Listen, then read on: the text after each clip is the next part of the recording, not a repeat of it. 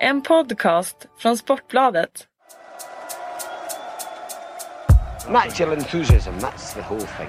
It's the greatest thing in the world, natural enthusiasm.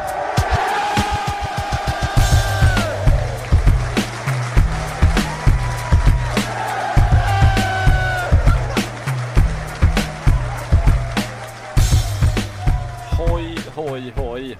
Välkomna till Premier League-podden som efter en veckas uppehåll är tillbaka. Kalle Karlsson var bestämd för att eh, vara med sedan tidigare. Patrik Sjögren bara hoppade in på studs, inga konstigheter efter att ha fått grönt ljus från eh, chefen. Jag hoj hoj hojade in kan man säga. Skönt! Ja, Hur mår ni?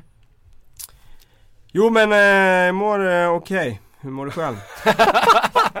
Det var glatt och jävlar vad gött från deppigt. Det är energi nu, det är bra. Ja, det har varit Fart en lång, eh, lång eh, säsong för Kalle. Mycket PL-texter, mycket blogg, mycket poddar och mycket tyck. Ja en jävla massa poddar. Jag har Ja. nästan suttit här varenda vecka här känns det som. Ja, Ja, lite det så. Men tyckte vi är ju glada jag- för det. Det är ju underbart. Vi, eh, någonting som är underbart för eh, deras del i alla fall, eh, Sunderland. Klara för eh, Premier League nästa säsong. Efter Ja. En eh, 0-0 match borta mot Arsenal. Så får Dick Advokat att gråta, Sebastian Larsson kunde knappt stå upp och Jermaine Defoe spelar vänsterback så allt var som vanligt. Clever Dick fixade nytt kontrakt. Clever Dick ja. Ja. Nej men det var ju coolt att se ändå, han har ju varit lite av ett stenansikte är väl fel ord men han har ju känts lite ganska manlig av sig eller hur man ska beskriva det hela. Så det var väldigt vackert tyckte jag att han faktiskt grät rätt öppet där efter matchen och sa Han är efter. nog jävligt pressad. Ja, tror jag. herregud. Komma in eh, i det läget han får komma in i. Jättesvårt läge såklart. Eh, laget lyfter inte. Eh, han kommer med den CVn han ändå har. Eh, jag menar det är inte så kul att, att komma in i ett läge där eh, laget bara fortsätter och, och eh, liksom trampa kvicksand. Men eh, liksom sättet bara att liksom få det här ångest eh, sjoket över sig, liksom lyfta det, det måste ju vara, den känslan måste ju vara fantastisk. Ja han satt ju lite, alltså just när de avslutar med Defoe som vänsterback också. Han har gjort alla byten, han kan inte ta ut Sebastian Larsson som knappt kan springa. Det, 0-1 där hade ju varit rätt tungt också alltså. Nej, jag förstår han står Han har gjort eh, kanoniskt tycker jag. Vann derbyt mot Newcastle, fick stryk mot Ja det är en jäkla skam. Ja, Ja. Herregud. Eh, fick stryk mot Alan Pardew Crystal Palace i matchen efter. Men sen 1-1 mot Stoke, eh, slog Everton borta. Mm. Slog Southampton innan dess. Ja. Och sen eh, lite mer Sunderland 0-0 på slutet mot eh, Leicester och, och Arsenal. Kanske spelar 0 mot Chelsea i helgen också. Men de gör ju det igen. De har ju legat i den eh, situationen tidigare men sluter sig samman och fixar det. Inte kanske lika imponerande som Leicester klarade men har ändå gjort det väldigt, väldigt bra. De eh, har ju flera säsonger legat skrynkligt till. Eh, jag tyckte den här säsongen tycker jag att de spelade en så torftig fotboll så jag tänkte Jag sa ju det här i podden Ja. tidigare i våras att jag tror att de kan ryka i år faktiskt. Eh, profillöst lag måste jag säga. Det, år efter år så har de eh, bytt ut många spelare, det har varit stor omsättning och det har inte funnits någon linje all, eh, från tränarsida, från sportchefsida, från klubbsida. Ja, det har bara varit ett enda mischmasch eh, alltihopa i, i Sunderland men eh, de lyckas greja det igen och någonstans så har de kanske lärt sig också det här med bottenstrid genom eh, åren nu. Nu har de legat där och, och krigat runt strecket i flera år. Tycker ni att Sebastian Larsson ska byta klubb?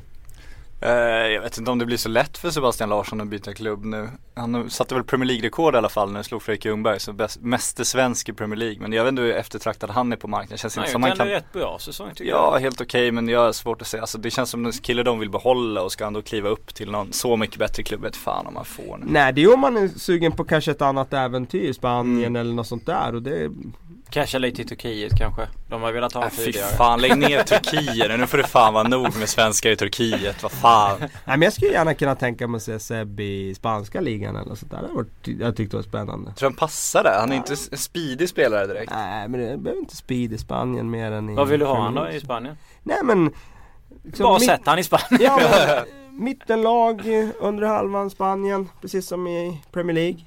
Ja, jag, skulle, jag tycker det vore kul att se han i, Mm. I en annan liga. Nu har han ju kört på i Premier League som du säger. I, blivit mesta svensk där eh, Mm. år efter år. Jag tror inte att han kommer lyfta i, i Sunderland nästa år. Nej. Han har Han har ju liksom Han har gjort sitt eh, år efter år. Han har gått från högermittfältare till central mittfältare och har, den, till slut så blev ju den omställningen också helt okej. Mm. Eh, eller till och med bra. Eh, men eh, jag tror inte att han har liksom Han har inget nästa steg i sig i England, det tror jag inte. Nej, som du, år kvar på kontraktet. Hans marknadsvärde 50 miljoner, 35, 30.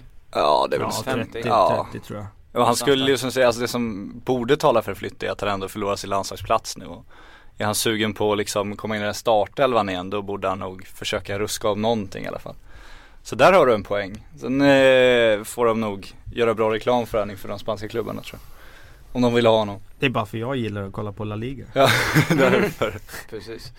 Helgen såg ut Billigare att... kanaler. Jag kollar, kollar ju mer på La Liga än ryska ligan så en del andra svenskar har begett sig. Ja, Jönsson tittar ju bara på turkiskan.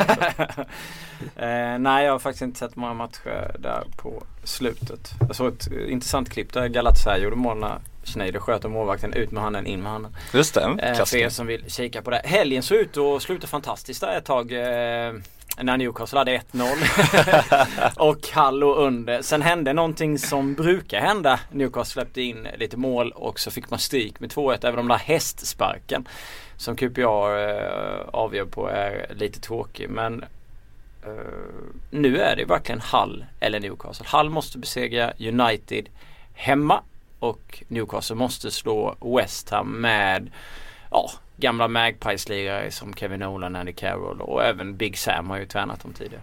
Så är det och de hade väl lite otur i år får man väl säga kanske då. Och att Arsenal ändå Om Arsenal torskat där hade ju United haft lite att spela för. Nu, har ju, nu är United solklart fyra känns ska vi ta sju plus mål så att det kommer ju inte hända. Nej. Men eh, det blir spännande att se Newcastle för de har ju ändrat sin protestform nu, de här kära Ashley Out-fansen. Tidigare skulle man ju hålla sig borta från arenan och nu eh, Nu har de blivit Nej men nu har vi Strategi. insett att så här, vad fan det här är nog en för viktig match, folk kommer liksom inte hålla sig borta. Så okej, ni får gå dit, men efter slutsignalen oavsett hur det går så ska alla Ja. liksom stanna kvar, de ska ockupera arenan St. James's och liksom hänga kvar. Det är oklart hur länge men man, man har ju en sån här drömbild framför sig där man ser liksom hur fansen sitter kvar där så här fyra timmar efter matchen och vägrar gå hem. Det hade varit fantastiskt. Och de har fått okej av polisen att göra det här också så att Det är, väl, väl förankrat. Jag hade varit ganska rädd om jag hade varit John Carver om de inte fixar det för han tror att han kan få sin omgång. Ja, det, det är inte Don't Sack Carver de kommer skandera där de kommande minuterna eller timmarna utan ja, nej fy fan. Ja, det är en fullständig usel avslutning alltså. Ja den är, den, den är eh, Jag har fått äta upp allting. När, när Alan Pardew gick till Crystal Palace vet jag att jag uttalade mig till en polare om att eh, nu åker Palace ur och han skulle givetvis trycka upp det här på Twitter efteråt. Och sen har Palace gått så här liksom. Ja den är bra Ja. alltså, den är Så jag, riktigt tvungen, jag bra. var tvungen att mucka med det här med Alan Pardew liksom. Och så får man, inte för att jag har någonting emot att han har gått bra i Palace. Jag tycker att det är, alltså liksom. Nu, har, nu vann de mot Liverpool borta efter några förluster så här, Men jag trodde inte att John Carver skulle kunna liksom kanske göra den sämsta insatsen sett till 10 matcher i Premier Leagues historia nästan liksom. Nej det är ju intressant det där för att eh, Alltså de är ju i ett läge Newcastle under stor del av den här säsongen där de ligger i ett ingenmansland. Mm. Alltså där man känner ganska tidigt att de kommer ju inte hota uppåt. Nej. För de är inte tillräckligt bra. Och det finns inte. Men de är ju redan på så säker mark i tabellen att det, det, det, det kommer ju inte bli krig om kontraktet heller. Nej, så Men- dåligt kan det inte det? gå. Nej jag, jag trodde inte det. Nej. Nej jag trodde inte Nej, det. det trodde Nej, ingen trodde, i alla fall. Nej jag trodde inte det. Och sen att det liksom på bara en sån här grej att John Carver som ändå har varit tidigare i klubben, han är liksom Ja. så Att han kommer in och att det då kan liksom bara gå käpprätt rakt ner i avgrunden efter det. Ja. Jag tycker det är eh, häpnadsväckande. Uttalar också att han är Premier Leagues bästa manager. Han tror att Williamson åker ut eh, medvetet. Han säger att spelarna inte vill spela matchen efter att Cissoko drog rött kort inför Tottenham. Han är helt liksom det så här, Ja. Jag fattar inte Nigel Pearson och Dick eh, i Sanden. De bygger ju liksom Alltså försöker bygga ihop laget. Sam, alltså nu ska vi kämpa för det här kontraktet. Medan Carver liksom Han bara sätter knivar så över Ja, han har ju vänt laget helt emot sig. De har Ja. ju noll förtroende för Hur kan man göra en sån så. grej? Alltså jag fattar inte. Det. Och ändå, det, det är ju det som är intressant här. Det är det jag tänkte komma till. Det är det som är intressant. Att det finns ju så många som säger det här är en riktigt bra coach. Alltså när han har varit first team coach och sådär så har han varit riktigt, riktigt bra. Riktigt bra på träningsplanen. Det är liksom bilden av, eh, som jag har fått av Mm. honom. Men han har inte klarat av det här steget sen upp till manager där han ska vara ansiktet utåt, leda eh, och ja, kommunicera då som eh, du nämner här. Jo men det här tycker jag också är spännande för det, finns ju, det har ju varit så här otaliga assisterande managers som varit liksom briljanta och fått så mycket Mm. mm. hyllningar och sen Men det finns ju en helt annan psykologisk aspekt när du kommer upp och ska ha liksom huvudansvaret Mm. Det är väl den här klassiska Svennis och Backe historien från City när eh, Elano eh, Det är väl Backe som skickar av honom av träningen Alltså typ skäller ut honom, Elano blir rasande och Ja bara går ut det. Så, säger, så frågar han Svennis då, ah, vad ska jag göra sen? Men, men han kommer imorgon så, ja men fråga hur mycket, om man får ligga mycket nu så, Va? Ja men, Ja, kolla, hur går det med kolla med honom om, kärlekslivet, om man liksom, får ligga mycket Ja. nu så, Jaha, ja. Kliver Lano in så Backe går fram så bara lägger armen om och så bara, ja fan Går, går det med tjejerna nu då? Så här. Elano bara garvar, de är bästa vänner igen liksom det är sådana små ting, då fattar man ju någonstans Sven historiet också att han vet liksom hur, hur liksom eh, många killar från den kulturen fungerar. Han har läst av Elan och han vet liksom hur han fungerar och det är ju det där man måste göra också. Man, man kan ju inte bara vara duktig på att göra taktiska upplägg och rita upp pilarna för att det här är ju liksom Mario Balotelli kommer in och du visar hur han ska springa på planen. Det, är- det är ju några steg till innan det kommer fungera om man säger så. Så det är ju ett jävla jobb mer än bara fotbollskunnandet. Han hotade ju fansen då när de ville ha bort Pardio. När han ställer sig inför den här bortamatchen, jag kommer inte ihåg vilken det är. Och står och skriker grejer till fansen inför. Och sen pratar han om att han ska bjuda in två stycken på te. Och sitta och diskutera för att alltså det är så här. Alltså han verkar inte ha sådär jättebra Han är- social förmåga. Han kan liksom. ju inte ha sett hur någon annan manager liksom jobbat mot pressen och så tidigare Nej. i sitt liv heller. Det känns som att han suttit instängd vid sin träningsplan där och ritat sina pilar liksom. Och mitt i allt det här, vem gör då mål genom att skjuta med, eg- med vänsterfoten på högerfoten? Ah, det är sånt sant Alltså, det är så- vem Ja, det högern på, på vänstern skjuter Ja, det han. kan, ja. Och så gör han liksom Ja, nej, det är- säsongens första mål. ja. Det är som komik så att det, Ja, det är ett finns världsklassavslut får man ändå säga. Han lurar ju liksom målvakterna Ja, och ställer försvararna jag liksom. grät helt- när jag var hemma liksom. För jag tänkte så här, alltså allt är åt helvete. Då gör han mål liksom. Ja, det hopp. man såg inte den komma. Nej, Men eh, Carver är ju ett geni som spelar honom och får, får, får eh, Alltså utväxling på, på det eh, så. Så att eh, det går inte att Han får ju betalt för sitt tålamod. Ja ja ja, absolut. han siktar Ja, ja. långsiktigt. absolut.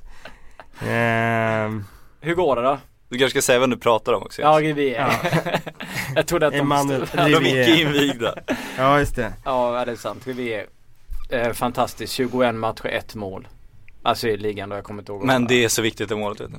Ja. Grejen är ju Röda det säsongen. att det, det roliga är, jag tycker att man kan se någonstans på läktaren när han gör det målet när de firar fansen att de tror inte sina ögon men de tycker ju också att det här är så jäkla kul. Precis som du kände hemma Ja, i soffan då. alltså, Att det här är så jäkla kul. Nu gör han det här målet. Sen är det ju väldigt olyckligt såklart då för Newcastle att de vänder och då framförallt för Emmanuel Rivière med tanke på att det här målet är ju bortglömt Ja, ja. eh, om en vecka. Eh, om, eh, ja med tanke på vad som sker sen. Han gör hattrick sista omgången. Mm. Det vore något. Det vore något. Ja, det här var ju hur stort som helst. Eh, ja, nej det är... Då ska vi ha livecam på Fredrik Jönsson. Ja, det är så sjuk klubb alltså, så sjuk säsong. Jag vet inte vad jag ska ta vägen alltså. Det, ja, ja. Men vad har du landat i nu då? Känns det som att ja, det kan vara bra att åka ur för att då blir det ännu mer liksom mot Ashley och liksom en ny start och det behövs en ny start. Det går Alltså, inte heller. det, det där är så svårt för att det, alltså, man kan sitta typ så och skratta som man gråter när han gör det här, det här målet och då liksom släpper det någonstans hur viktigt det egentligen var. Sen så vänder QPR, folk börjar skriva så här jinx på Twitter och, och då blir man typ bara så här knäckt och ledsen så då vill man knappt svara för man orkar inte längre liksom. Och nu, alltså jag vet inte, jag vill bara Alltså ha bort Ashley och John Carver. Sen om det, alltså, det betyder att man är kvar eller åker ur. Det, spelar alltså, jag vet inte. Jag väljer nästan en oljemiljardär och åka ur före att behålla dem som Fast då försvinner hela ch- charmen finns Ja. ju i Mike Ashley någonstans. Man ser ju hellre ett Newcastle eh, som är någonstans i mitten av tabellen och går lite som en jojo där.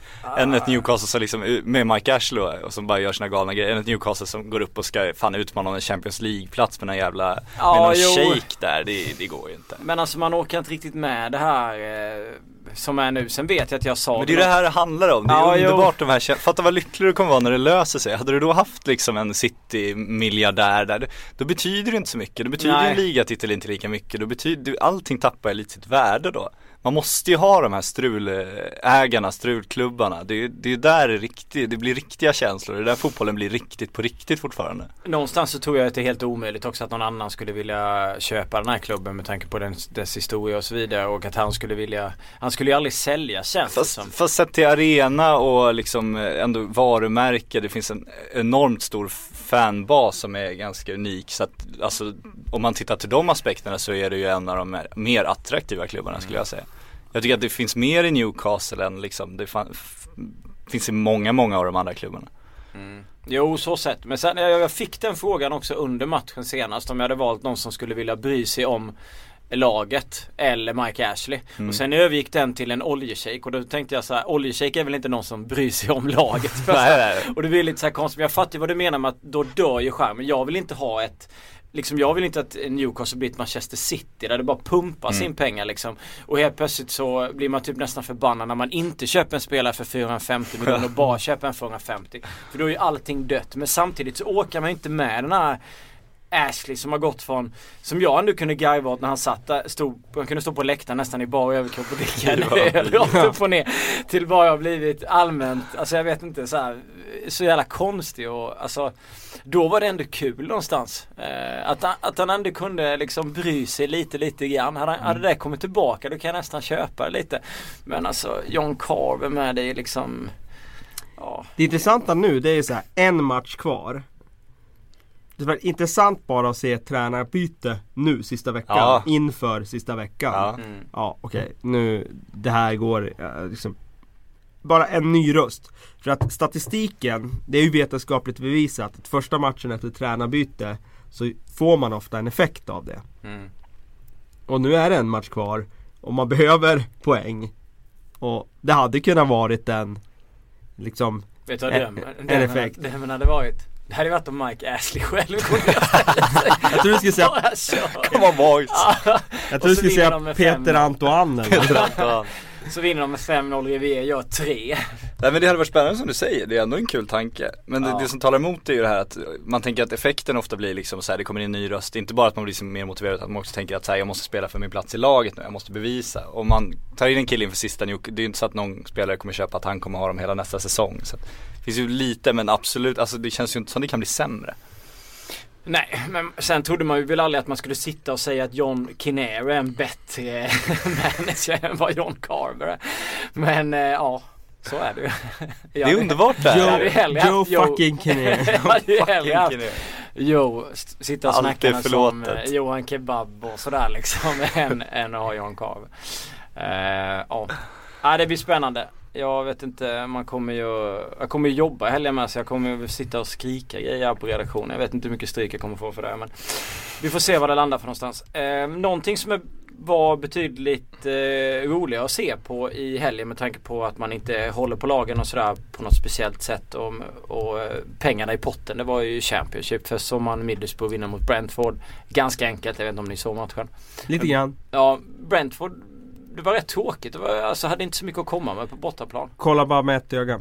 Men Ja. ehm, nej, de, det kändes väl som att de dog lite efter första mötet där. Ja, lite så. För att man, de, där kom de igen, låg under, kvitterade. Sen gör ju Middlesbrough 2-1 i 92, 93 på bortaplan. Och då vet man att nu blir det fan jobbigt här liksom att möta dem eh, borta i nästa. Eh, Men eh, kul med Middlesbrough och Lee Tomlin. Ja, absolut. Eh, alltså, Så länge Newcastle är kvar så blir det ju jätteroligt med Middlesbrough, Sunderland ja. och eh, Newcastle. Nej men det är ju så kul också med, med tanke på nu att han har, har det här ryktet i England om att han är en stor talang som inte har Ja. varit tillräckligt seriös och Mm. kanske väger något kilo för mycket och inte eh, är så fit som andra spelare på planen. Men det är ingen tvekan om att eh, det finns en enorm talang och potential i, i de där fötterna. Mm. Möter Norwich som, eh, ja, Tractor Boys, då sig ett rött. Han, tar den, så, eh, han tog ju den med handen. Det var ju någon som var inne på att det var mycket, mycket smartare än att släppa in ett mål där för att när man sen skulle jaga. Sen kvitterar de ju av någon konstig anledning. Eh, det är väl mittbacken. Jag kommer inte ihåg vad han Smith han heter som kvitterar på en fast situation så får man ju stryk ändå. Kul för Olsson som har blivit stoppad. Det är typ uppe i Premier League-övergångar. Vad är det? Tre gånger eller något va? VBA, Mm. West Ham och något annat. Eh, Jag sökte Martin efteråt men han fyllde ju år. Ville vara lite fel för inget han eh, nu inför denna eller efter denna bro. Fan ni hörs inte när han fyller år alltså. Nej! Jag messade honom, fick inget svar så vi hördes ju men Ah, okej, ja, bara det one way. ja, Du ja. måste ju kolla då om Norwich har uppvaktat honom för annars kan det ju vara så att han är lika Ah. sur som Jaja. Just Ja, det. precis.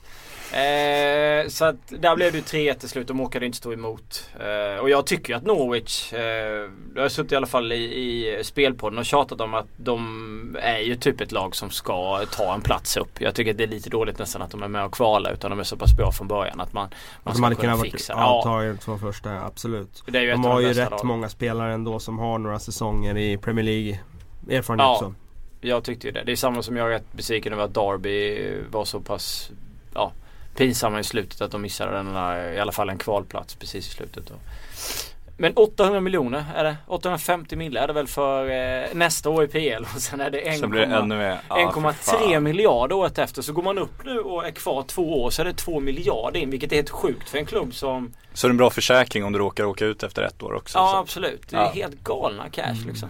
Men fortfarande, de höjer lönerna i samma takt som de höjer inkomsterna. Så att det, det finns fortfarande, alltså det var väl någon, jag tror det var någon amerikansk sajt som skrev att eh, det här Premier League gick plus det här året och var helt fascinerad av det. För det är första gången på jättelänge. Ja jag vet, Mm. jag vet. Ja just det. Det var fem, bara fem klubbar som gick minus eller var det? Ja det var Ja, något sånt där. det. Var Ja. väldigt bra siffror i alla fall. Ja men det är ju helt absurt om man tänker på de, de intäkterna som Ja. ändå finns, att, det lycka, att man lyckas bränna så mycket pengar. Men Ja. de, de pressar ju varandra till liksom bristningsgränsen så att Mm. när tv-avtalet går upp, det enda det kommer betyda det är ju att liksom spellönerna kommer gå upp. Ja, men det där är ju en naturlig följd också för att så är det ju alla fenomen, olika idrottsfenomen. Mm. Alltså blir någonting stort eh, intressemässigt så kommer ju alltid en diskussion komma upp. Är det ägarna som ska köra pengar Ja. eller är det Ja. utövarna? Mm. Och där blir det ju en sån här, är det ägarna som tar risken med investeringen? Mm. Är det äg, eh, utövarna som står för underhållningen? Jag kan tycka att det är rätt att utövarna får sin del av kakan. Sen kan man alltid diskutera, det blir alltid en skev eh,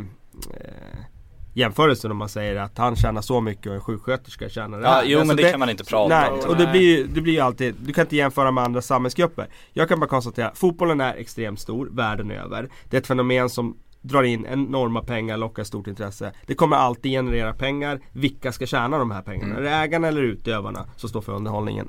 Jag kan tycka att det är rätt att utövarna tjänar då, eh, får en stor del av kakan. Det kan jag hålla med om på ett sätt. Samtidigt tycker jag att eh, det är lite provocerande att, liksom, att det inte går att äga en fotbollsklubb utan att, liksom, att du måste trycka in dina egna pengar. För det gör ju att klubbarna blir ju liksom reklampelare snarare än fotbollsklubbar. Det, blir ju, det hade ju funnits en poäng i att det gick ändå att gå runt som fotbollsägare för då hade du liksom kunnat ha mer äga, eller fansägda Mm. klubbar och sådana grejer. Det går ju inte riktigt att vara med och slåss utan att täcka förluster som det ser ut idag.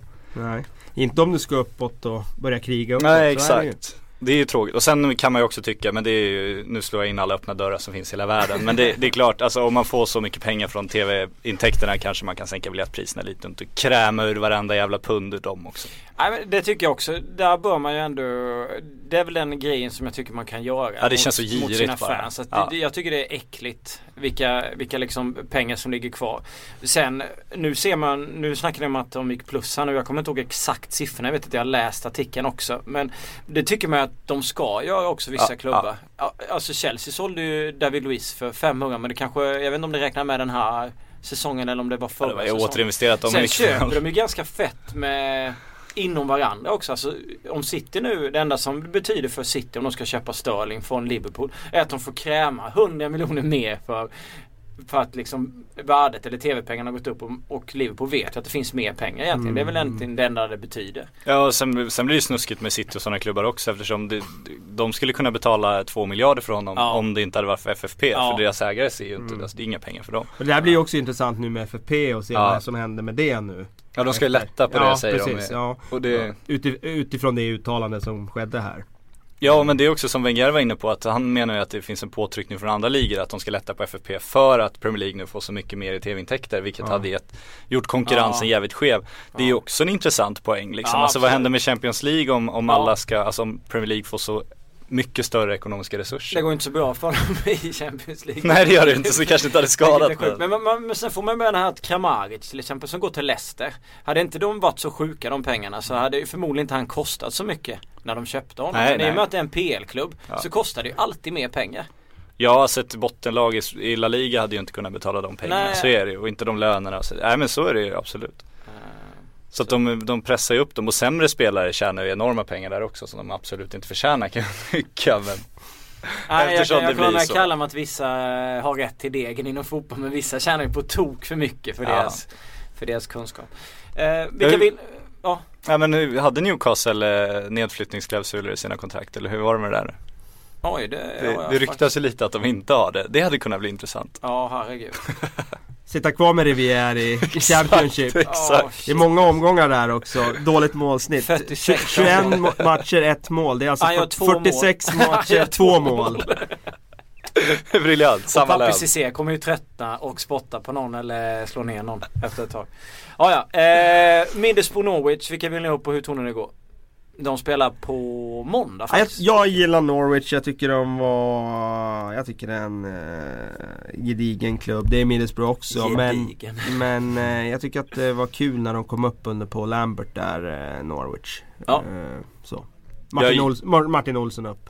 Och då går du emot eller? Ja men jag gillar att säga Borough så att upp med den skiten. Nej men Martin Olsson har varit kul, det håller jag med om. Det finns väl den anledningen. Den enda anledningen till att jag eh, bryr mig om vem, vilka av de två klubbarna som går upp. Ja. Newcastle eller Hull, vilka fixar kontrakt? Newcastle. Jag tror också Newcastle. På något sätt grejer det. Kanske inte med egen kraft utan Nej, att, nej, United är det ju. vin- att Manchester United vinner. Men vilket historiskt jävla förfall om, eh, om Hull slår United och Newcastle åker ur alltså. Det är, som, det är Herregud. som komik liksom. Newcastle får stryk med 5-0 hemma och så får Hull stryk samtidigt så då är man kvar. Men det är inte för att man är bra utan det är för att Hull är sämre. Och Carver kliver ut efteråt så bara, jag sa ju det. Ja. Best Det var ju så Hall klarade sig kvar en gång under Phil Brown. Det är väl eh, fem år sedan tror jag. Phil Brown eh, tränar ju Hall. De förlorade hemma sista omgången. De hade klarat sig på att vinna. Men de eh, förlorar. Och sen står de där och väntar på Yes, resultatet i den andra matchen har gått vår väg. Eh, vi klarar oss. Det så bisarrt, kan man jubla då liksom? Alltså det Ja, han blir så gjorde ju det. Sen sjöng han en trudelutt också. För det hade han ju lovat att han skulle Ja, det sjunga blir så inför dem. konstigt alltså. Jo, men ska- Ska John Carver stå och tacka fansen ta en runda om de torskar med 0-5 Ja, det men hänger kvar det är liksom? klart. Då är ju hjälte. Alltså applåderar de honom så då mår jag dåligt om de ger Nej honom det en gör de inte. Det gör de inte. Nej det kan de inte göra. Alltså. Det- Ett Sören Kratz-varv. Det, det är ju inte Go alltså. John go! Det är inte okej. Ja, nej, det är mycket pengar i eh, potten som sagt i Championship och eh, det är även en, ja det är ju samtidigt en hel del pengar för Newcastle. Det kanske betyder om de blir kvar så kanske Ashley får sina cash och sen så bara säljer han och sen är det goodbye.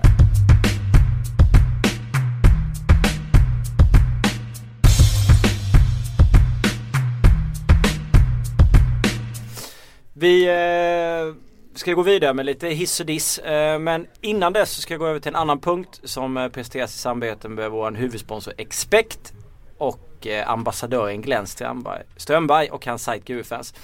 Vi, jag ska nämligen ringa upp Glenn för att höra om han har några sköna speltips inför den här helgen.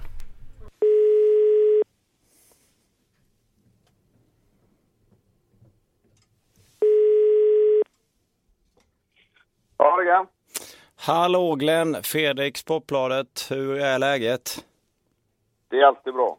Alltid bra. Fan vad skönt att höra. Det är mycket som är avgjort i eh, Premier League. Det som är, till, det som är mest eh, hett att fighta som är ju den här sista platsen i Newcastle eller Hull eftersom de andra lagen är klara. Hur går dina tankar kring den fighten? Jag tycker väl, eh, som du säger då, att det är inte så lätt. Och jag vill ju bara hitta egentligen matcher där det finns lite motivation i, Mm. i slutet på en säsong. Så här. Och så kanske lite grann på hemmalagen också som vill avsluta snyggt hemma om man möter ett lag som kanske då är lite, lite mindre omotiverat. Men eh, tittar man på det krasst så tycker jag det, det som känns vettigt ändå, det känns väl Trots att Newcastle, det vet vi nu, har inte vunnit på enormt länge och ligger riktigt illa till där nere. Men de får ju ändå dit eh, West Ham som har gjort klart för i år och är väldigt nöjda med sin säsong ändå liksom. Trots kanske att man ja, trodde ett tag här efter jul att det skulle hamna ändå högre upp med det laget. Men tittar man vad de hade för tankar innan året började så är de väl jättenöjda med säsongen. Och på något vis så tror jag ändå de kommer att gå ihop där. Trots lite oro med publik och stämningen i stan så fattar ju alla där ändå att i den här matchen måste vi på något vis hålla ihop. Va? Och eh, missnöjet får komma efteråt i sådana fall. Eh, även om man klarar sig så kan det vara missnöje ändå säkert. Men liksom, ja, en för alla, alla för en måste det bli den här matchen. Och jag tycker ändå det är spelvärt en etta på Newcastle är då till 1,75. Som gör att de är klara och hänger kvar här. Mm. Tittar man på den andra matchen som du var inne på lite här så tycker jag också man kan lura lite på pall där ändå. Eh, det ska ju egentligen inte gå. United är ju borta stort sett eh, från det här och nå den när det skiljer tre poäng och de har bättre målskillnad än Arsenal. Men Hall måste ju ändå gå för det på något vis. Måste ändå vinna va och eh, då är ju ändå United så pass bra lag så blir det liksom en öppen match där det blåser på lite grann för de måste ju i alla fall ta den chansen Hall va. Och eh, det gör kanske att det blir lite mer öppet och mer svängrum i matchen och det gör att ett överspel i den över 2,5 till 1,8 det tycker jag också kan vara ganska spelvärt. Jag tycker ändå det finns ganska stor chans här att Leicester, till man får kanske 1,6 på dem hemma mot Queens Park Rangers som ju i ett, ja, hela året varit otroligt dåligt bortalag liksom. Va? Ja, verkligen. Det är helt makalöst. Alltså de har två vinster en oerhörd. resten är förluster på dem på bortaplan. Det måste vara bland det sämsta facitet någonsin på en bortaplan i Premier League. Va? Jag har inte jag det klart i huvudet, men eh, äh, det där är ett lag som har varit ute nu då också ett tag och möter ju då Leicester som är en grym form. Man såg vilken glädje det var. Det var ju det sista de säkrade kontraktet mot Sunderland här då. Och eh, då känns det ändå som en sån match till 1,6. Tittar man på styrkeförhållanden på lagen plus att är klara, spelar hemma. Går säkert in med inspiration till den här matchen då mot ett lag som eh, är däckat rätt rejält under en lite längre tid än nu då. Va? Så att eh, de kan ju spratta till på hemmaplan som de gjorde sist mot Newcastle. Det jag menar, hemmalaget som avslutar hemma, det, de har alltid lite grann att ge publiken ändå. Jag tror Leicester gör det här. Så det tycker jag också kan vara spelvärt. Är Och förmodligen också Chelsea, Sunderland. Nu får vi lite lägre på den. Jag tror inte man får mer än 1,3, 1,35 på den. Men det kan väl också vara så efter förlusten här mot West Brom borta för dem och Sunderland klarar sig med krysset här mot Arsenal. Så åker inte de ner med någonting. Det var en hemsk säsong, tung säsong på dem. Advokat kom dit och fixade, all- hittade allt det här igen då. Och det måste vara en lättnad för dem enormt och det kan vara svårt att hitta någon riktig motivation till den här matchen. Och Chelsea vill väl på något vis kanske avsluta med en vinst också när de lyfter bucklan här då. Så även den matchen, även om det är lite lågt odds då, kan vara ett spel. Det är väl de matcherna jag tycker känns bäst att gå in och röra i den här sista omgången. Kan man våga sig på handikappspel i Leicester och Chelsea och få upp oddset och i Leicesters fall nästan till två och Chelsea runt kanske en, en 70, en 75. Minus ett då tänker jag för att ja, kanske få bli lite bättre odds. Ja, det kan vara en variant. Det är bara det att det är alltid svårt att läsa sånt där innan matcher tycker jag, hur matchbilden ser ut. Det kan bli en väldigt låst match och så blir det 1-0 till något av lagen så är de nöjda med det liksom Mm. Och då, eh, då vet man inte riktigt hur det handikappresultatet är. Skulle något av bortalagen göra mål här va, då kanske det tänder till lite extra och det öppnas ännu mer liksom. Men det, det är alltid ett svårt spel men jag förstår vad du är inne på va, för Typ QPR liksom på bortaplan, där kan du bara ramla till rejält ibland. Så är det någon av de här matcherna som, eh, med lite mer handikapp så kan det nog vara Leicester som man får upp till ett bra odds, som du säger. Och för QPR, där, där tror jag inte de kommer med mycket hjärta och mycket lungor till den där matchen. Nej. Du har ju följt eh, Premier League hela säsongen väldigt, väldigt nära. Eh, om du skulle få sia om framtiden när det gäller just den här sista Premier League-platsen, blir det Newcastle eller Hull som tar den till nästa säsong? Ja, jag tror Newcastle eh, fixar det tack vare att de har ett omotiverat lag på sin hemmaplan och får bakom hela staden tror jag i den här matchen. Och det gör att de på något vis fixar det. Vi ska också komma ihåg att de har två poäng upp mot Hull. Mm. United kommer dit va. Så att eh, det kommer inte bara åka ut och hämta tre poäng för Hull i den där matchen. Va? Får de bara med sig en pinne så kan de till och med förlora Newcastle. Så nej, visst är det en klar fördel inför omgången Newcastle för att hänga kvar. Absolut. Tack så du eh, Glenn. Vi tackar Glenn och eh, Expect för att eh, de har spelen den här helgen och så får du ha det så gött med den engelska Ja. fotbollen. Ja, Det är sköt om. samma, det är samma. Säger vi det. Ha det gött. Hej. Hej.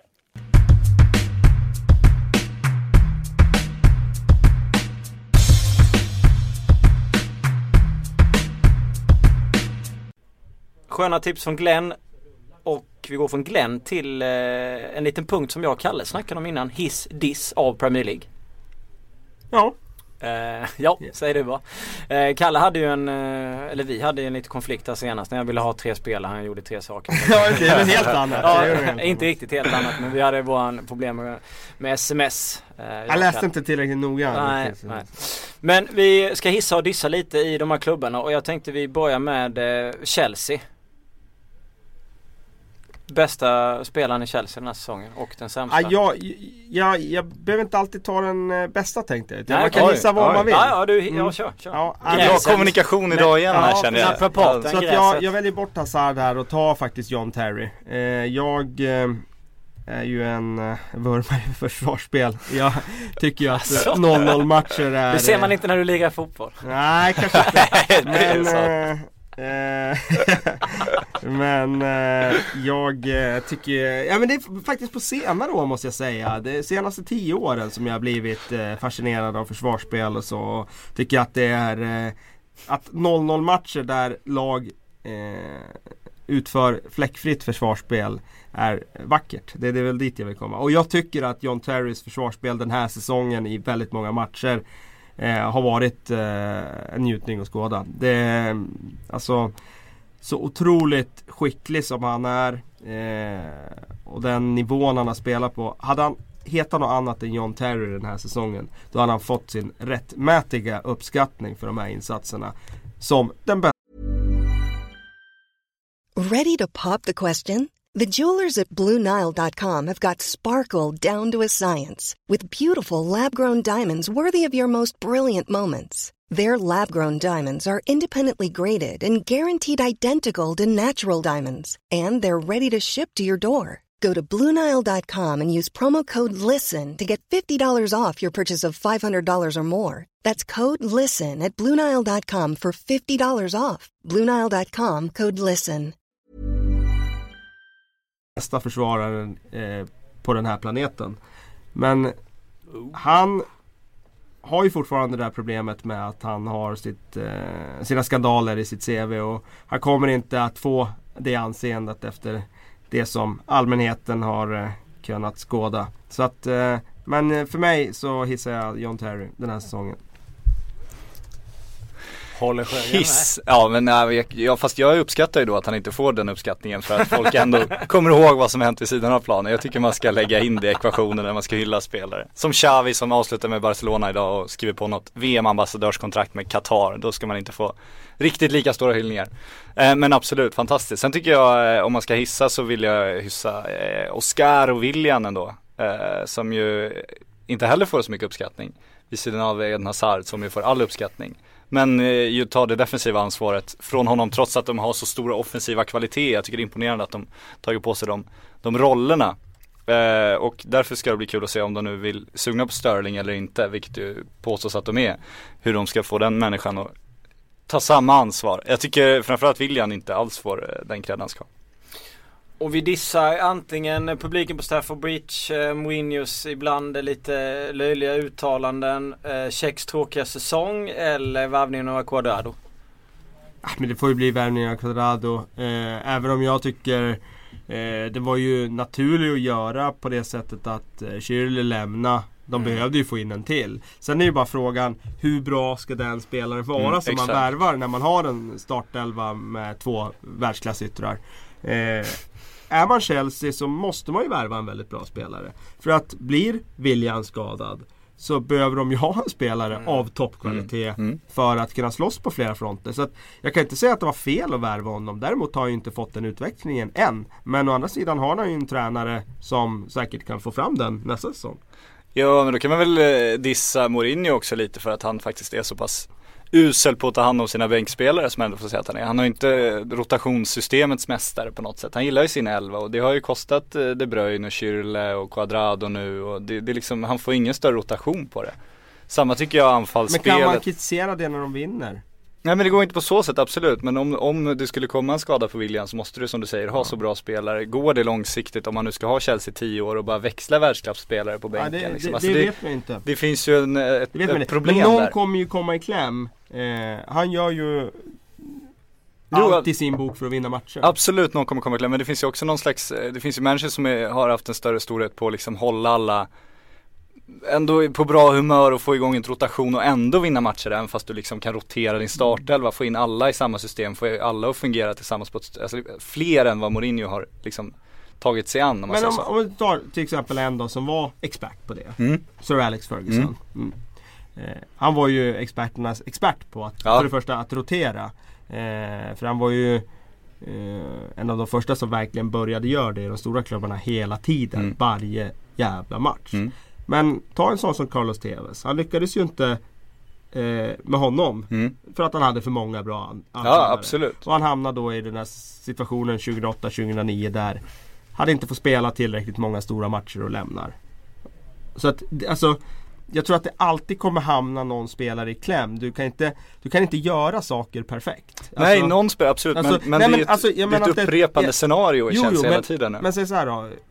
Eh, jag pratar inte bara om spelarna utan du kan inte göra saker perfekt. Även om Nej, du vinner nej, nej, ligan så kommer det vara saker som Ja. du du har, du har eh, ratat unga spelare. Du, Ja. du har eh, Exakt, men då måste man ju in på, haft någon på annan spelare som har hamnat i kläm här eller Men du har, du har gjort det du Absolut, att men, vinna. men ska man dissa något hos mästarklubben så blir det ju ofrånkomligt någonting som varit dåligt och det blir ju ofrånkomligt lite påtvingat eftersom de ändå är mästarklubben. Men alltså när det gällde just United så var det väl, han hade ju inte i närheten de stjärnspelarna på samma position som Mourinho har haft ändå.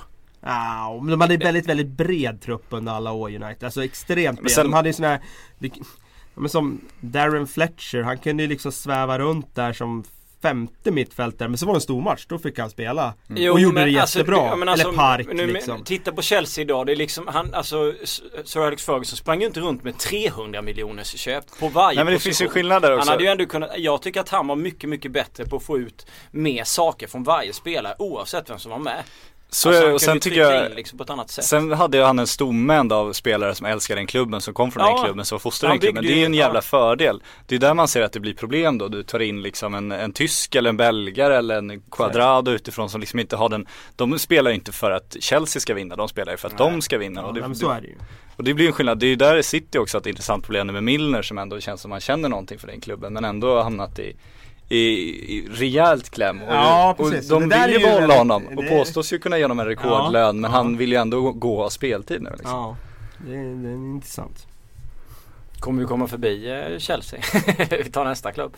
Nej, Eh, det, det kommer ta lång tid den här Ja, podden om vi ska gå och hissa dissa på den här. eh, Nej, vi går, får gå lite snabbare fram. Ja. Ja, ta på. Manchester City. Agüero vill jag hissa, givetvis. Det kanske är ganska givet. Okej, men- punkt. Ja, ja. Okej, det behövs inget mer.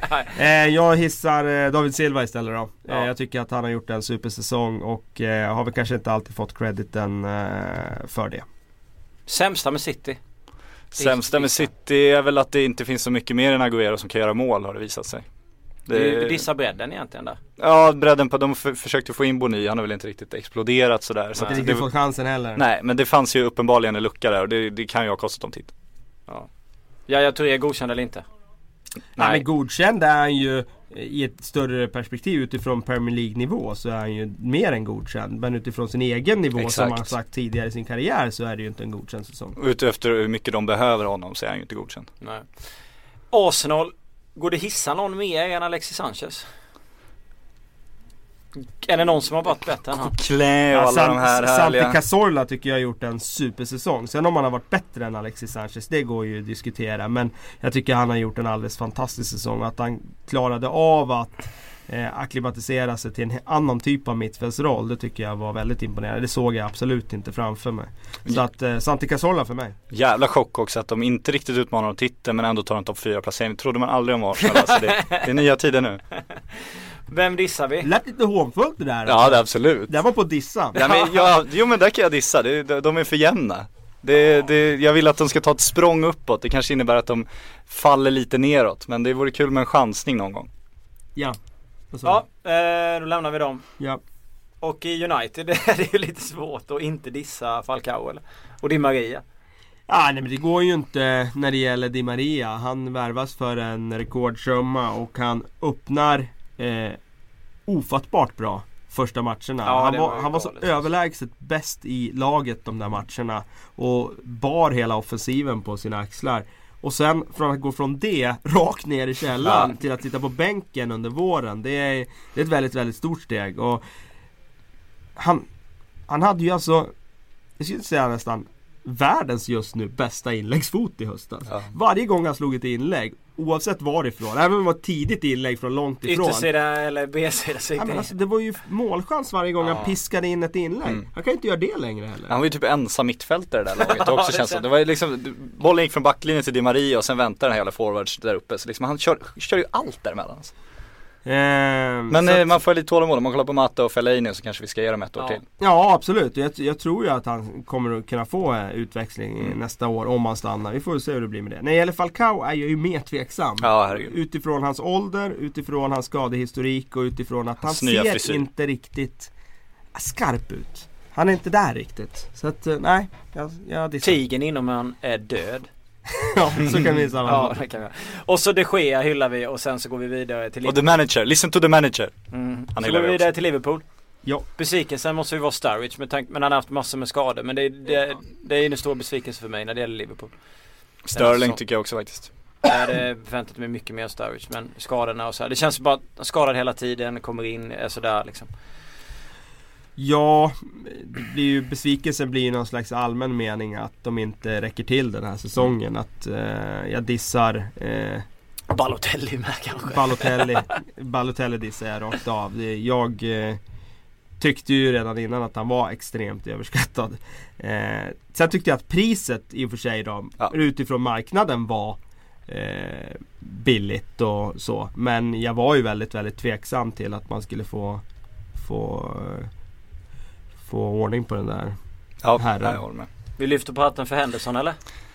Ja, han har ju någonstans ändå, jag tycker eller framförallt hans ledarskap gjort att den här Gerard-luckan känns, eh, det är klart den Coutinho lyfter jag på. Ja, ja, såklart. för, så alltså, om vi ska ta någon i Liverpool så är det nog Coutinho ändå. Sen måste man älska Steven Gerrard nu att han hyllar Coutinho så brutalt mycket och det känns lite som det är en hint till Sterling allt det här upp- också liksom så här, att kolla det är så här du ska uppföra liksom. Den tycker jag är jävligt snygg. Flest ligamål i Liverpool. Vet du vem som har gjort det? Den här säsongen? Uh, Gerrard va? Ja, åtta. Ja, ja. Det är och då är det rätt många Ja. straffar där. Jag tror det är fyra, Det är nog fyra. fyra straffar. Ja, Men ändå.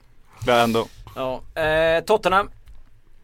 Finns mycket att dissa. Hade ni varit här hade vi suttit en timme. Ja. Nej men Kane går ju inte annat än att eh, hissa liksom. Så att det, är Mm. ju, det är ju storyn i Tottenham. Punkt. Och sen Ja. Soldado ner eller?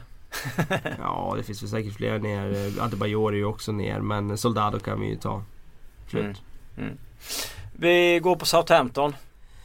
Massor. Men jag väljer att lyfta fram där faktiskt eh, Nathaniel Klein. Som jag tycker Ja. har varit eh, riktigt, riktigt bra den här säsongen. Vet inte om vi får behålla honom men Nej det är nog eh, stor risk att han flyttar. Det är väl det man kan dissa. Ja, vi dissar, dissar flytten. Nej, annars vet jag inte. Vad är dissen i, i, i Southampton? Nej men dissen Det är inte mot dem utan det är Nej. bara rent tråkigt att det alltid blir så som vi förutspådde i den här Mm. podden. Att det finns lag som kommer upp och hotar.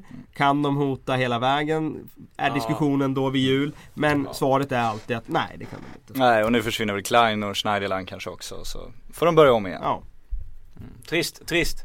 Swansea, Monk. ja definitivt. Jag sätter punkt där. Jag är otroligt imponerad hur han rattar den här säsongen. Eh, den lilla erfarenheten han hade, gå direkt från spelare till, till manager i förra våren. Och sen bara fortsätta rakt in i den här säsongen. Så här bra. Det är, är riktigt, riktigt imponerande. Någon spelare ni vill lyfta? Sigurdsson, Gomis. Ja, absolut. Det finns många. Jack Cork tycker jag har gjort det bra. Jag tycker mittbackarna är väldigt bra. Ashley Williams är bra år efter år. Fernandes tycker jag har varit väldigt bra. Jag tycker att eh, eh, Jefferson Montero på kanten tycker jag också är riktigt, riktigt bra. Eh, irrationell och sådär. Så nej, det finns många att hissa i Swansea. Så. Stoke, det tråkigaste där är vi väl alla överens om. Det var när Kikic gick sönder. Ja herregud. Definitivt. Och det, hissen är att Kikic var så, fan att de tar in honom, lyckas övertala honom, få dit honom, få honom att fungera. Det är sjukt imponerande. Ja, det var häftigt när han var så bra där Ja, fy fan vad säsongen och, och det gav liksom Stoke en dimension till. Everton, det, är inte, det är inte så mycket att hissa i Everton utifrån spela. Slätstruken säsong. Ja, väldigt, väldigt slätstruken säsong måste jag säga. Och inte ens de här ungtupparna som man tänkte på, Barkley och Stones, får ju den eh, alltså, skjutsen i karriären under den här säsongen som man trodde när de slog sig fram under den föregående säsongen. Så att det finns ju ingenting egentligen där att lyfta fram. Det är en, det är en riktigt tung säsong för Everton. Sen kan man ju titta på enskilda insatser. att James McCarthy i vissa enskilda matcher visar att ja, men Mm. det här är en riktigt, riktigt bra mittfältare i Premier League. Men eh, nej, det, det har inte varit en bra Everton-säsong. Vi stannar med det. West Ham. Ja, Aaron Cresswell är ju Ja. en supervärvning. Alltså, kaffepengar värvas han inför. Eh, underbar vänsterfot, visar direkt från starten av säsongen att Gjort han, alla matcher va? Han var ja, Ja, fantastisk. precis. Och eh, skruvar in frisparkar som om han vore George Hadji. Så att, eh, ja, Hadji, fint. Aaron Cresswell. Sen tyckte jag det var lite, att, att lite tråkigt att Sarko inte gjorde ännu, mer, ännu fler mål. Ja, det var ju det, jag, det, var ju jag det ville som... hoppas lite mer på Valencia också när han kom. Jag trodde att han skulle vara ännu bättre. Det var det som var så intressant där, om vi är inne på Idissa och West Ham där då. Men de inleder ju sjukt bra där i Valencia och Diaz Mm. Sarko framförallt där han gör mål varje match. Och då är det ju där, kommer han fortsätta med det här? Nej, det kommer han ju förstås inte Pelle, göra. bara energin dog lite. Ja, eh, och eh, ja, det var väl lite för mycket där eh, i början. Det gick lite för bra. Mm. Crystal Palace. Jag hissar eh, värvningen av Alan Pardew. Ja, men det går inte att göra annat. Hur ska man kunna göra annat? Alltså det är ju bara att buga inför den mäktige Alan Pardew. Ja men Eh. coolt att det funkar i hans klubb också på något sätt. Det tycker man, sånt är ju alltid charmigt. Så är det ju. Jason Punchen tycker jag har Ja. varit otroligt bra under våren. Har Eh, världens bästa läktarsång Bolasi har också. ju också varit Ja. rätt trevlig. Bolasi är ju, ja, Ja. det är nästan Bolasi man landar på ändå. Ja. Ja. När det gäller spelare så, så är det ju. Lite tråkigt att Chola inte gjorde fler mål sen han hämtades in. Men det, det är väl det. Eh, Enorma förväntningar. ja precis. Ja jag tror det är mycket. Eh, VBA. Ja, men jag tycker Bereinho. Kanske Ja, tråkigt. men- han gör ju en del mål sett i alla, alla turneringar så. Och det är ju imponerande. Det är kul att Tony P kommer in och räddar skepp igen. Men jag måste säga Craig Dawson, mittbacken där, som eh, kom från eh, lite ingenstans. Han tycker jag gjorde en väldigt, väldigt bra säsong. Flyttades ju även ut och spelade ytterback eh, i delar av säsongen. Han eh, plussar jag för. Fletcher också. Väldigt bra värvning, januari. Eh, Tycker jag var super. Ja, han har varit väldigt, väldigt bra. Och det där är ju alltid tvista som. Jag, jag har ju alltid den där feelingen när man värvar den där spelaren eh, som har varit i de stora klubbarna så jag, jag, jag, anar, jag anar att han ska vara bra. Ja. Men sen går man ju fel ibland. Så Ja. man tänker att Fan, Rio Ferdinand kan få en nytändning och man får stå lågt i QPR och bara nicka undan bollar. Men nej, det fick han inte. Men det är ju något motivationer det måste ju vara svårt att gå ner på den nivån någonstans och liksom kriga för oavgjorda resultat. Det är en jävla inte, omställning alltså. Men Darren Fletcher har ju haft motivation efter att han kämpat tillbaka efter fotboll efter Ja. sin mage att komma och han har varit väldigt bra. Ja. I Leicester tycker jag lite tråkigt att eh, Kramaric inte bara öste in mål under våren. Ja fan man drömde om det ändå. Ja det var ju lite det man gick och hoppades på så det är min diss där. Sen så väljer jag väl hissa eh, Cambiasso. Ja fantastiskt. att, Han är eh, inte mätt heller. Nej, det var lite Nej. häftigt att han hamnade där först och sen att han var så bra. Mm. Vi går vidare med Sunderland. Ja. Ja, herregud. Ja, det är ju eh, svårt att hissa någon annan egentligen än Lee Cattermole som jag tycker eh, under eh, första halvan av säsongen gjorde det väldigt, väldigt, väldigt bra.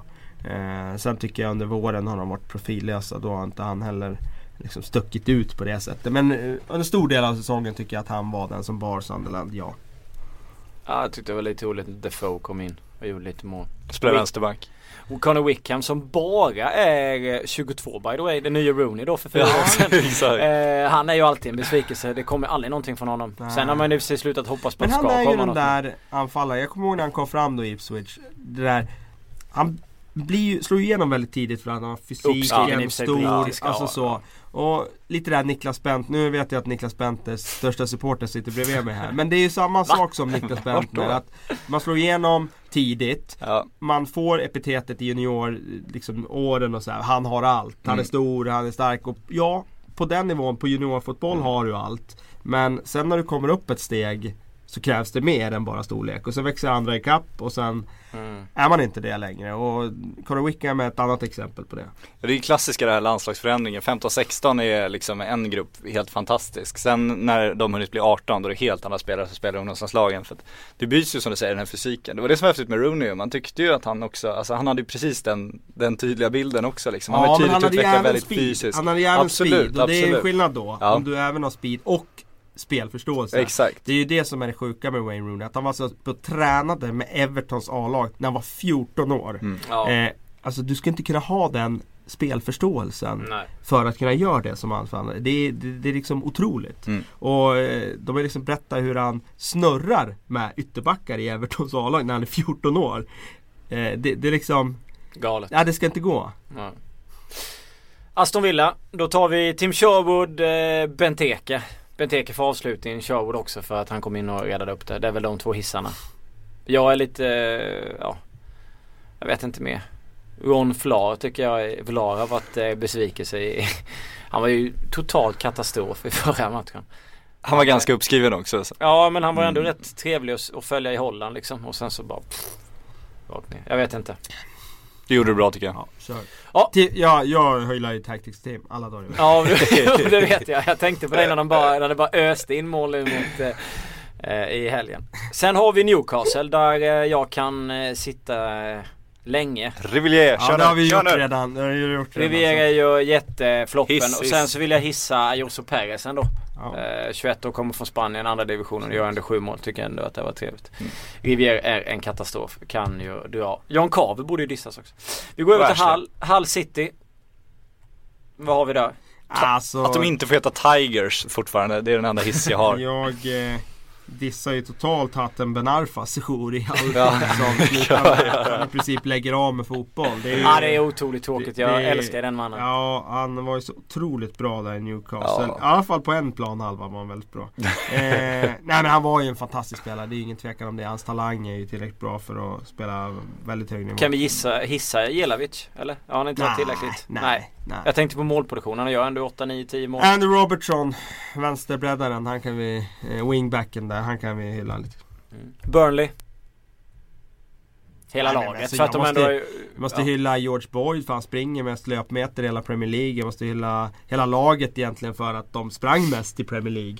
Att Sean Dyche någonstans fick ut det, liksom fick ut det budskapet. Ska vi hävda oss här så måste vi springa Mm. mest och de gör det.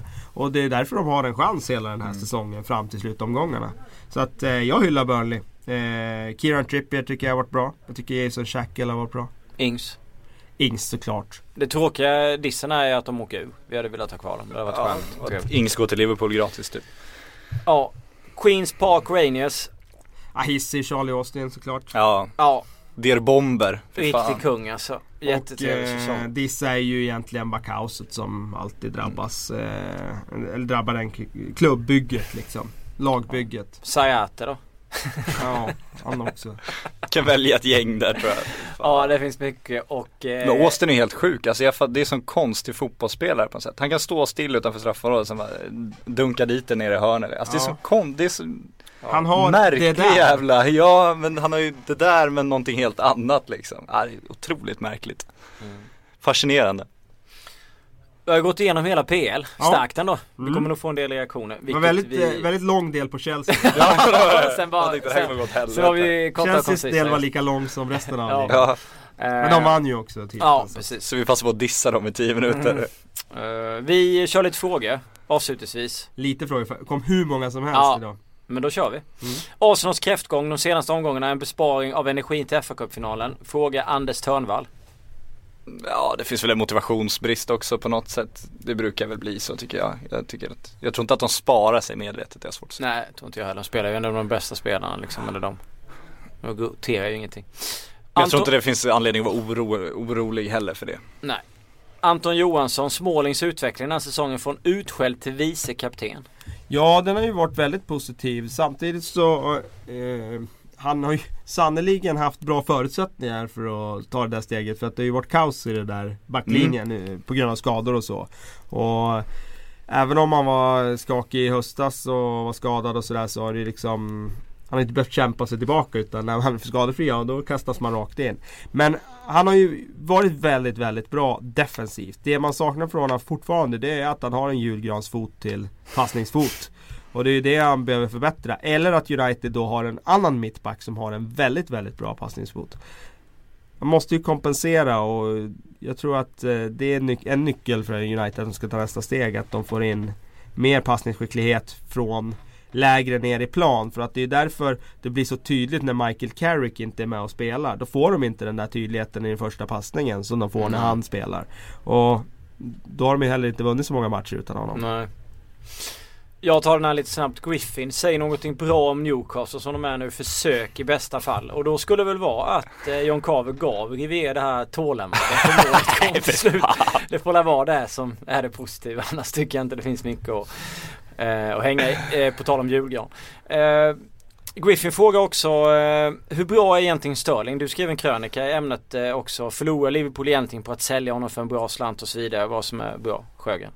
Ja nej jag är inte övertygad om att han är, är liksom redo, alltså om han ska gå till City nu, jag har svårt att se att han kliver in rakt av och lyfter det laget. Alltså han är ju speed. Men det har jag sett så många unga engelsmän som har, så att jag är inte ett dugg övertygad om honom som fotbollsspelare ännu. Jag tror han skulle må bäst av att stanna i Liverpool några år. Men som jag var inne på i den texten är ju snarare att det är svårt Ska nu, om man nu är så övertygad om att han är så bra, om man nu vill vinna sina titlar Då tycker jag att det finns eh, en, en svårighet att skriva på något nytt femårskontrakt om man ändå vill dra om ett år. Då tycker Mm. jag att det finns, att det nästan är mer eh, schysst mot klubben och förklara nu att man vill dra. Sen sköter hans agent det här på ett sätt som är bortom allt förstånd. Men så tycker jag, men jag, är- jag är inte alls övertygad om Störlings storhet ännu. Det är klart killen har potential men vi har sett för många som är så snabba och lever så mycket på sin snabbhet och sen går en, går en lårmuskel och så finns det inte så mycket kvar. Nej, han spelade som i trans förra våren. Eh, hans form efter nyår, den har varit medioker. Men då spelade Medioker Liverpool säga. också för Suarez Absolut, var absolut. kanon. Nej men så var det ju. Men Ja. han var ju också i vissa matcher där så var det ju han och Suarez som bar laget. Mm. Han var ju riktigt jävla bra förra våren, eh, Mm. Sterling. Det är ingen tvekan om det. Och första matcherna i ligan den här säsongen så var det ju han då också som bar laget. Då Mm. var han ju referenspunkten där framme. Men över säsongen så har ju hans form dalat kraftigt och nu är han ju en okej, eh, lovande engelsk spelare men ingen stjärna. Marcus Söderström undrar vad Charlie Austin spelar nästa säsong. Ja Newcastle, definitivt i. Premier League. Ja definitivt i, i Premier League och på övre halvan, det tror jag. Vad vill ni Eh, se Ja, här? nu är frågan vart han ska då för att liksom, alltså Nej men jag skulle tänka mig liksom att eh, Liverpool till exempel. om de ska ha Danny Ings nu, Ja. tar de väl inte Austin också? Nej inte båda. Men säg om de inte tar Ings då så skulle Ja, de kunna ta ja absolut. Jag skulle kunna tänka mig Chelsea. Tredje forward nästa Ja. år. Eh, Drogba bort. In med Charlie Mm. Austin. Acceptera sitta på bänken. Hoppa in, göra sina inhopp. Mm. Blir Eh. Luke Remy kvar då också? Diego Costa Remy och han eller Ja, de tre. Får man önska han i Tottenham? Det hade varit kul tycker jag. Jag vill säga han i Tottenham. Och så Bamford har du till, en till där. Eh, Chelsea. Eh, Behöver inte Arsenal en sån? Istället för den här kladden eh, Jo. Det får väl skit för den men det känns som att han bränner så mycket. Han bränner lite mycket Han är ibland, bra ja. men alltså han kan göra så här sjuka. Jag kommer ihåg det här derbyt i Tottenham. Han hade knappt typ eh, någon fot i marken. Han styrde in men sen bränner han så mycket. Och han känns som en sån här nyttig anfall. Det känns aldrig som det så här, han blir en exceptionell anfallare Nej. liksom. Och det men behöver tänk man ju Charlie. Austin sista kvarten kommer in och bara Ja. Ja, varför inte? Mm. Varför inte? Eh, Filip Tyberg, det här kanske är en fråga för mig men jag släpper den till. Vilka har störst chans att vinna Premier League? Chelsea med John Carver eller Newcastle med Mourinho? Newcastle med Mourinho. Ja. ja men snudd på fan alltså. Oj vilken sågning det där var, ser jag nu. Det är brutalt. Oj vilken sågning det där var. Men eh, jag, jag står ändå för den. Ja, det är. Ja men det är fascinerande att man faktiskt, att det finns, att det inte är osannolikt att säga så. Att det ändå, man tänker till liksom. Alltså, Ja, alltså ingen av dem skulle vinna. Eh, så. Nej. Ja. Eh, jag kanske, ja fan, jag backtrackar nästan på den alltså. Det är ju omöjligt för Mourinho att vinna av, med, vinna med Newcastles spelarmaterial. Ja, Ska stör, vinna med störst chans Rivière på toppen, chans det går ju inte. Störst chans var det. Chans var Inte att de ska slå City och alla utan störst chans. Du tänk om Cissé får sin vår igen liksom. Hur mycket mål som Ja. helst. Filip Sjöberg undrar årets bästa match. Nej men jag tycker nog Tottenham-Chelsea som eh, 5-3 på då. ny, nyårsdagen 5-3 där. Den, det var en häftig match tycker jag. Sjögren håller med? Ja, jag, jag hålla med för jag, fan, så det är tråkigt så när det blankt var- i huvudet Ja, man men allt flyter ju bara ihop. Ja, exakt. Enskilda matcher. Det. När man tar den emotionella anknytningen som har stått och, och skrikit sig liksom hes till någon match, då minns man inte så enskilda matcher så jävla bra. Kevin undrar jag, vann Chelsea ligan för att de liksom spelade till sig den? Eller var det för att City var så dåliga och Arsenal och United och så vidare? Men de har haft en fördel såklart av att City har gått ner sig med ett av Europas absolut äldsta lag. De har haft en fördel av att United befinner sig fortfarande i någon slags generationsväxling. Ja. Men eh, de har ju varit ett briljant lag ändå tycker jag. ja, det har de ju varit. Det är ingen tvekan om det. Det var intressant, det var ju en annan läsarfråga i, på lite på samma tema. Mm. Eh, han påstår att han har ställt den här frågan många gånger. Så att eh, vi tar upp den nu då. Ja. De lag som har slagit poängrekord i Premier League, har det berott på att de har varit extremt bra Mm. eller på att ligan har varit sämre? Mm. Och jag skulle vilja hävda att eh, det är till stor del också att ligan har varit sämre. Ja, att de är så När Manchester överlägsna. United eh, var superöverlägsna i Mm. början av 2000-talet där 2001. Jag tror de vinner ligan med så här 18 poäng där Mm. något år. Om det är 2000 eller 2001, jag minns inte vilket. Eh, då är det ju för att de andra lagen inte Ja. räcker till. Ja. Mm. Eh, visst United var bra men de lyckades ju aldrig i Europa under de här åren. Så att eh, 99 slår de ju absolut inget, när de lyckas i Europa, då slår de ju inget poängrekord. Mm. Utan då är det ju tight hela vägen in i sista omgången. Mm. Ehm, så att, eh, ja jag skulle säga att eh, när Arsenal till exempel är obesegrade den säsongen så är ju Chelsea det första sommaren efter Abramovic. De har Ranieri som tränare, de har värvat eh, ett helt nytt lag. De utmanar inte riktigt. Liverpool var inte på den nivån så de kunde utmana. Manchester United hade ju tappat då på Ja. sommaren eh, David Beckham och eh, Veron. Och var i en ny generationsväxling där och kom in med en ung Ronaldo den sommaren. Eh, så att det, ja, det var en svag liga den säsongen också. Mm. Så jag tror att när Chelsea året efter, jag tror de sätter poängrekord då. Eh, med Mourinho. Eh, och förlorar bara en match på hela säsongen. Eh, 2004-2005. Då är det också en svag liga. Mm. Arsenal hamnar i traumat där efter eh, Invincible-säsongen. United är i någon slags eh, generationsväxling. Det är inga andra egentligen som utmanar. Eh, så att ja, eh, när man sätter poängrekord så, så är det nog på grund av Besvikelsen här, eller problemet här är väl egentligen att man trodde i alla fall inför den här säsongen att Arsenal skulle vara lite hetare utmanare till Chelsea. Det kändes lite så för min del i alla fall. Jag tyckte att de borde nästan där med tanke på att de andra lagen United ja, förberedde sig inför och värvningar och sånt gjorde att de var lite svåra för dem. Och City då? Ja, men, jag, vet, jag har väl inte världens godaste öga för Pellegrini. Eh, och jag tyckte väl att eh, Arsenal hade förstärkt upp så pass bra med sina värvningar. Så att det kändes mer liksom, han har haft så otroligt många år på sig. Så någon gång så känns det som att det måste liksom gå. Men ja, det blev ju inte riktigt så. Eh, vi eh, har en del eh, frågor. Alltså de här är ju alltid svåra. Det vet ju Axel när han ställer dem. Men han vill att vi ska nämna årets elva med engelska spelare. Oj, oj, oj, är Eh, och det är ju liksom så här, Vi skulle vara glada om vi kunde nämna några stycken eller? Vi skulle vi Så plocka, man orkar, det är där man vill tänka på innan och det är svårt att ta på uppstuds för då kommer man missa någon. Ta, ta en in- per lagdel då. vi plockar in John Terry i backlinjen. Det är ju inget snack om saken Ja, eller hur? Ja precis. Ja, vi sätter väl eh, målvakt blir... eh, Fraser Forster va? Ja, Jag tar Fraser Forster. ja. Och så har vi John Terry som mittback. En ytterback, Cresswell. Ja, sa han. Ja. Inne, eller på mittfältet. Eh, Vad, vi- vad, vad vill vi ha för mittfältare? ja, Jordan Henderson. Engelsman. Kommer Ja. inte på någon annan sådär på De har så jävla svagt mittfält i sitt landslag också. Ja. Ja det blir väl han va? Jag kommer inte på någon så här nu direkt. Fabian Ja, Delf liksom. Alltså, Ja, det, vi kan vara snälla mot Steven Gerrard och ta med. Och sen eh, på topp, eh, Charlie Austin. nej men Harry Kane. Kane, ja, liksom. Kane också. Mm. Vi eh, ska alldeles strax runda av men jag vill ändå eh, liksom hojta till här på, eh, på U21-EM. I och med att den truppen tas ut så vi får, jag får faktiskt avsluta med det. Hur trevlig är den truppen? Den är extremt trevlig. Jag tycker Ja. att det är lite tråkigt att de eh, valde bort de här A-landslagsspelarna med, med Barkley och, och Sterling Mm. och de här. Han gjorde det medvetet för att han ville belöna truppen. Sen är det lite tråkigt att eh, Luke Shaw inte får åka för Manchester United. Mm. Kan klaga, påstå mycket som helst att han är skadad och så vidare. Men det är han ju inte. Nej. Eh, det är lite synd, samtidigt är det en ytterback så det kanske inte är så stor förlust. Det blir kul att se Harry Kane, det blir kul att se de här unga talangerna, det blir kul att se Chelsea-talangerna. Kanske få lite bärande roller. Eh, Anfallsmässigt, Afobe, Bamford, Berrainho, Kane, Ings. Ja, Det är ju liksom på mittfältet. Pritchard har gjort det jättebra i Championship. Redmond också. Eh, ja, vad har vi med? Men det är det här som är roligt, man vill ju någonstans inte heller se Barkley här, man vill inte se Sterling här, för man, man har sett dem liksom. Ja. Utan det är ju de här killarna man vill se gå in i tydligare, större roller och se om Ja. de kan bära lag, om de kan bli den avgörande spelaren. Det är ju liksom den, det är sådana här mästerskap är till för, och se om, om de kan bli världsspelare.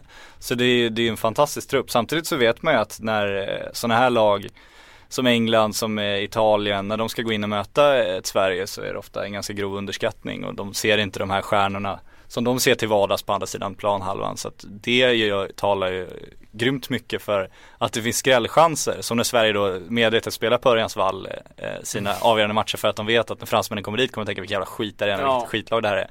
De diskuterar ju till och med om de skulle spela den matchen på konstgräs Mm. för att jävlas ännu mer. Så att de, de spelar ju det kortet jävligt medvetet och det är smart. Ja, definitivt. Men frågan om inte det hade varit ännu mer det där om det hade varit större stjärnor. Absolut, så det de kanske är smart av England också Ja. att välja bort dem och ta spelare som har mer att bevisa, som har lite mer att spela för. Som kanske spelar för nya kontrakt, kanske spelar för att ta sig upp till en bättre klubb, kanske spelar för att bevisa att de ska ha startplatser. Så de har väl mer motivation också, så det är ju inte helt dumt. Sterling hade väl inte åkt i alla fall för att om han skulle åka dit och bryta sitt ben nu och sen sitta kvar på sitt eh, nuvarande rätt usla kontrakt med Liverpool två år kvar och, de, eh, och gjort sig ovän med hela klubben hade kanske inte varit en drömsits. Nej, det hade nog inte varit så bra. Vi eh, tackar för idag. Vi kommer köra ett avsnitt till nästa vecka. Självklart. Eh, för att runda av hela då kanske vi ska prata ännu mer listor hit och dit. Så då får ni gärna komma med lite goda idéer så ska vi vara lite bättre på det. Och sen så antar jag att alla som lyssnar nu kommer sätta sig och titta på Newcastle West Ham i helgen. Eh, och vara lika nervösa som mig. Men Eller fem protester måste vi se fram emot. Det kan ju bli alltså magiska scener, Ja. historiska scener till och med. Hoppas givetvis på att resultaten går my way. Tack ska ni ha för, ja, för att ni var med Patrik, Kalle och tack för eh, till er lyssnare som har ja, följt med oss. Och så får ni ha en trevlig helg så hörs vi nästa vecka. igen. Natural enthusiasm, that's the whole thing. It's the greatest thing in the world, natural enthusiasm.